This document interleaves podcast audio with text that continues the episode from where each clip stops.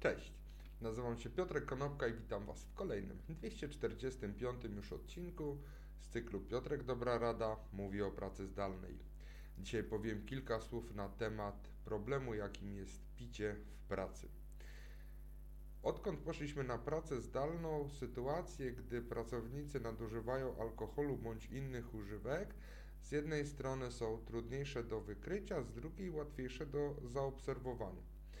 I teraz tak, oczywiście pracodawcy zaczynają zwalniać pracowników, którzy pojawiają się pod wpływem alkoholu bądź innych używek, na przykład na telekonferencjach i wtedy zachowują się albo dziwnie, albo ich mowa jest bełkotliwa. Z drugiej strony takie zachowanie jest trudniej udowodnić, ponieważ oczywiście nie możemy a, ocenić na przykład po zapachu, czy pracownik ten alkohol pił.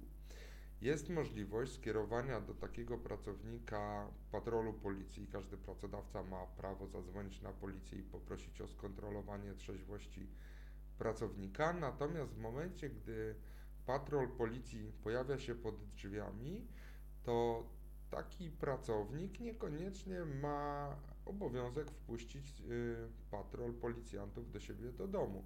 I pojawiały się już sygnały, że tak pracownicy właśnie postępują, że e, nie wpuszczają policjantów do swoich mieszkań. Równocześnie jest tak, że o ile dawniej sytuacja, gdzie pracownik kupował na przykład małpkę i szedł z małpką do pracy gdzieś ukradkiem w szatni, w ubikacji czy w pustym pokoju ten alkohol pił, to takie sytuacje były dawniej. Natomiast teraz, w momencie, gdy jesteśmy w domu, pojawiały się sygnały, że pracownicy po prostu mają przy komputerze, mają przy monitorze postawioną butelkę piwa, wina bądź wódki i normalnie bez e, przeszkód e, konsumują ten alkohol, który mają koło swojego komputera.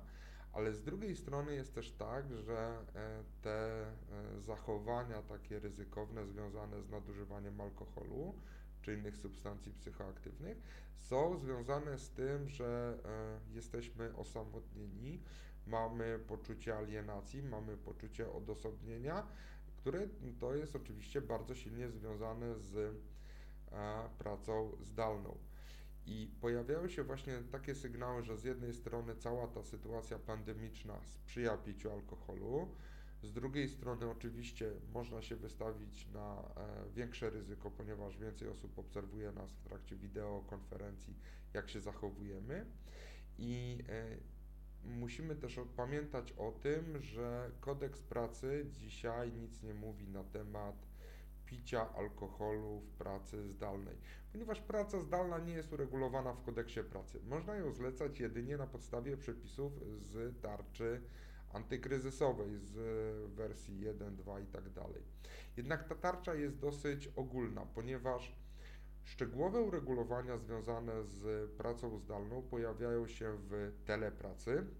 Oczywiście telepraca to nie jest to samo co praca zdalna, natomiast nie ma jeszcze takich dokładnych zapisów związanych z pracą zdalną w tarczach antykryzysowych, ponieważ tarczach antykryzysowych jest wskazane jedynie, że wykonywanie pracy zdalnej może zostać zlecone, jeżeli pracownik posiada umiejętności i możliwości techniczne oraz lokalowe do wykonywania takiej pracy i ta praca jest w ogóle możliwa do wykonania zdalnie.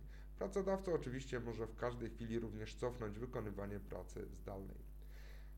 Pracodawcy, jak i pracownicy czekają na to, aby takie uregulowania się pojawiły.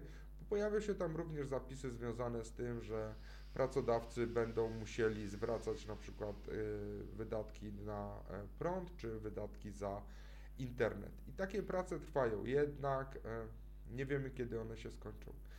Dodatkowo warto zwrócić uwagę na to, że być może takie zapisy nie powinny być aż tak szczegółowe, być może należy korzystać z istniejących przepisów, ponieważ im bardziej szczegółowe i bardziej restrykcyjne i rygorystyczne zapisy prawne, tym one są e, czasami przeciwskuteczne.